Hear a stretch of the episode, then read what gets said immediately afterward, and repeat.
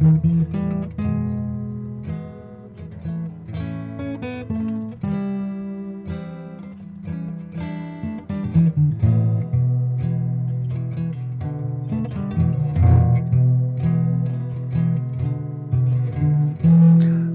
بكل مشاهدي ومتابعي القناة. اليوم نتكلم عن فكرة مهمة في الفلسفة الوجودية وهي فكرة عبثية الحياة. وتعريف عبثية الحياة هو التناقض ما بين رغبة الإنسان وما بين المحيط الذي يعيش فيه. بمعنى أفضل الإنسان له دائما أهداف معينة في الحياة إذا نظرنا نظرة وجودية فقط إلى الإنسان ككائن حي يعيش في الأرض فإن دائما هناك أهداف معينة يحاول أن ينجزها الأهداف اليومية مثلا هي أن يجد طعام يجد مأوى يحميه من أخطار الطبيعة وأيضا يستطيع أن يتكاثر ويجلب الأطفال ويحميهم إلى أن يكبروا. وهذه الأهداف سواء كانت أهداف يومية أو أهداف بعيدة المدى هي التي تحرك كل المشاعر، الإرادة، الأفكار، الغريزة، كل شيء في مكونات الإنسان تدفعه لتحقيق هذه الأهداف. طبعا الطبيعة أو العالم الذي يعيش فيه الإنسان ليس بالضرورة يساعد الإنسان على تحقيق هذه الأهداف، بل أننا نرى أن الطبيعة قد تعمل عكس رغبة الإنسان أو قد تساعد الإنسان على تحقيق هذه الرغبة. بمعنى أن الطبيعة لا تهتم لهذه الرغبة الموجودة عند الإنسان، وكأنها لا تحتوي على أي هدف لكل المخلوقات الحية مثلا التي تعيش في كوكب الأرض بما فيها الإنسان. وهذا التناقض ما بين رغبة الإنسان في تحقيق هذه الأهداف وبين الطبيعة التي يعتمد عليها طبعا في تحقيق هذه الأهداف والتي لا تهتم لهذه الأهداف حتى تصل إلى حالة أنها تحارب هذا الإنسان وتقتله في عدة أحيان. هذا التناقض يخلق عبثيه الحياة، وأن الإنسان قد لا يجد أي معنى لحياته عندما يعيش داخل هذه الطبيعة. يعني فكرة العبث تنشأ من تفاعل الإنسان مع الطبيعة. يعني لا يوجد شيء اسمه الطبيعة هي عبث بوجودها أو الإنسان وجوده عبث، لكن تفاعل الاثنين هو الذي ينشأ هذه الفكرة. وطبعا هذا التعريف البسيط. لكن نحن نعرف أن الإنسان يعيش في ألم مستمر وهذا هذه الفكرة يعني ليست جديدة موجودة في تقريبا كل الديانات البشرية بما فيها الديانات الإبراهيمية. دائما تشرح أن الإنسان يعيش في عناء مستمر وفي ألم مستمر.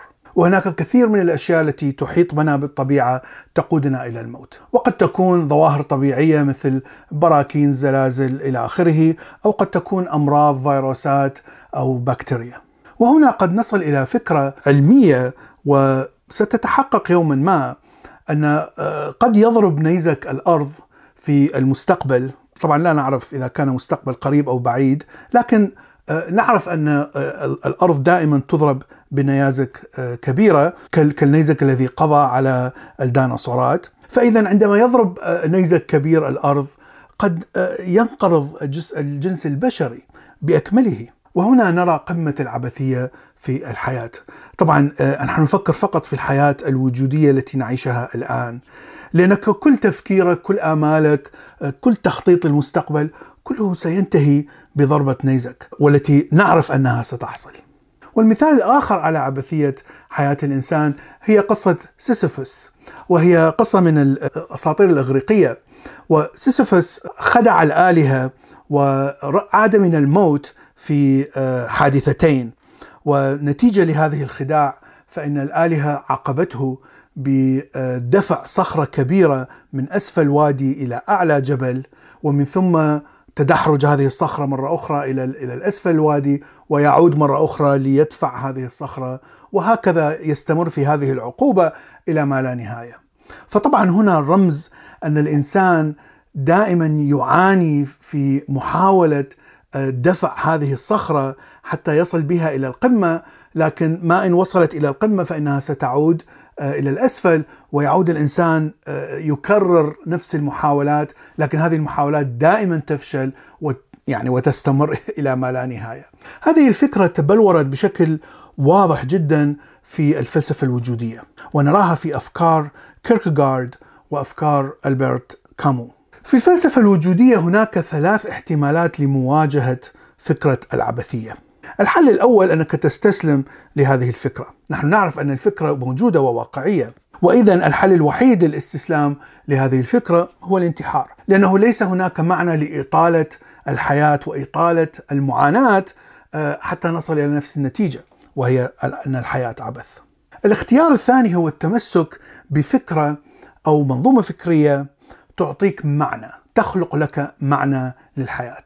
وأفضل مثال على هذه الفكرة هي الأفكار الروحانية أو الأديان. فالأديان تعطي آه، قصص معينة وتعطي أهداف ما بعد الموت وتعطي كثير من آه، الخيال الخصب آه، الذي يمتلك الإنسان ويجعله ينسى هذه العبثية ويجعله يركز على هذه الأهداف الخيالية المستقبلية وليست آه، الأهداف فقط آه، الدنيوية التي يريد أن يحققها في الدنيا.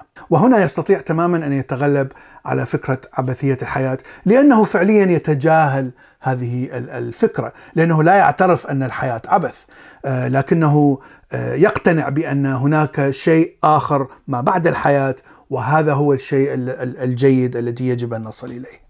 وهذا الحل آه، بالتمسك بالدين اختاره كيركغارد آه، لأنه مسيحي واعتبر أن المسيحية طبعا آه، وحتى بتفكيرها الميتافيزيقي يكون حل جيد لمشكلة عبثية الحياة. الاختيار الثالث هو الاعتراف بوجود هذه العبثية ومواجهة هذه الفكرة ووضع أهداف أو خلق أهداف معينة في الحياة الدنيوية التي تعيشها وليس آه، آه، في حياة ما بعد الموت. وهذا الحل هو الذي آه، ركز عليه ألبرت كامو لأنه اعتبر أن الأدلة على وجود هذه العبثية يعني أدلة كبيرة جدا سواء كنت متدين غير متدين مهما كانت العقيدة أو الفكرة التي تؤمن بها فإن عبثية الحياة موجودة. إذا نظرنا على الإنسان ككائن حي يعيش في كوكب الأرض بدون أن نأخذ في نظر الاعتبار وجود آلهة أو وجود آه، أفكار أو أشياء قد تكون آه، خرافية وغير موجودة. فإذا الحل هو أن نواجه هذه الفكرة آه، ولا نتهرب منها وطبعا لا نستسلم إليها. وبينما يأخذ كيركغارد الحل أنك تؤمن بأفكار ميتافيزيقية فإن كامو يعتبر إيمان الأفكار الميتافيزيقية قد يكون طبعا حل منطقي ضد العبثية لكنه يعتبر انتحار فلسفي. وكامو أيضا يقول أن صنع المعنى للحياة وصنع الهدف آه، في الحياة الأرضية آه، هو تعبير عن حرية الكائن أو حرية الإنسان في اختيار الهدف. الذي يعيش من أجله. فطبعا فكرة الحرية مهمة جدا في الفلسفة الوجودية آه، وتعتبر أن حرية الفرد وحرية الاختيار آه، هو شيء أساسي. فقمة الحرية عند كامو هو أنك تختار آه، الهدف التي الذي تعيش من أجله وطبعا إذا إذا وضعت هدف وأعطيت لحياتك معنى فهنا انت أنت تتغلب على فكرة عبثية الحياة. وفي الختام أنا فكرت في آه، عبثية الحياة وحتى وصلت إلى اقتناع شديد بأن الحياة عبث في مرحلة العشرينات. لأني فعليا كان إيماني ماديا بحت لأنك عندما ترى الإنسان بشكل مادي وترى الطبيعة التي يعيش فيها طبعا ترى الحياة لا معنى لها ولا يوجد أي تأثير لأفعالك سواء كنت زعيم كبير كنت حامل لفكر عظيم لأن في النهاية البشر سينقرضون. فلا يوجد أي آه، معنى لبقاء أي عمل إنساني أو لبقاء أي تأثير لأي عمل إنساني. وهنا يعني فكرة عبثية الحياة سيطرت على تفكيري لعشرة سنوات ولم أتخلص منها إلا بعد أن بدأت أفكر بشكل إيجابي بنظرة إلى الحياة الآنية الوقتية التي أعيش فيها وليس نظرة خالدة وكأني أنظر إلى كل الزمن وكل العصور التي يعيش فيها الإنسان والتي سيعيش فيها الإنسان، إنما فكر في وقتك الآن، فكر في حياتك الآن وفكر كيف تحسن هذه الحياة، فكر في أطفالك إذا كان لديك أطفال. فكر كيف تحسن حياتهم. كلما حاولت أن تحسن من من حياتك فأنت فعليا جزء من مجتمع. وإذا كان المجتمع كله يفعل ما تفعله أنت فإن المجتمع سيتقدم وسبل الحياة ستكون أفضل. وطبعا هذه الأهداف وهذا المعنى الذي نعطيه للحياة هو معنى محدود بالفترة الزمنية التي نعيشها كأفراد. في الأرض. أرجو أن تكون هذه الحلقة مفيدة. شكرا لكم وإلى اللقاء في حلقة أخرى.